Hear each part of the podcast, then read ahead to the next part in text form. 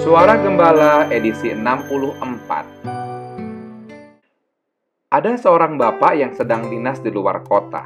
Dalam perjalanan pulang ke rumah, ia melihat pedagang buah di pinggir jalan. Ia berhenti dan membeli sekeranjang buah stroberi untuk keluarga di rumah.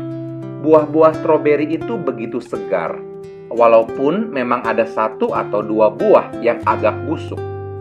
Tapi ya tidak apa-apalah, begitu pikirnya. Bapak ini tiba di rumah larut malam saat sisi rumah sudah tidur. Keranjang stroberi diletakkannya di meja dapur. Keesokan harinya, betapa kesalnya si bapak ketika melihat jumlah stroberi yang busuk malah bertambah banyak. Sang istri berkata, "Pak, stroberi busuk bila tidak segera dibuang akan menular ke stroberi lainnya."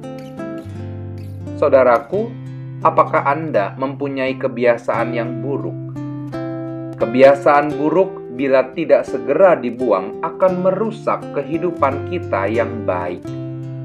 Perangai buruk bila tidak diubah akan merusak relasi kita dengan orang sekitar. Kebiasaan dan perangai buruk dengan mudah menulari lingkungan sekitar kita dengan perangai dan kebiasaan yang buruk akan membuat keberadaan kita tidak lagi membawa damai dan sukacita bagi orang lain. Saudaraku, mari kita berusaha dengan sepenuh hati untuk menjadi orang yang berperangai baik.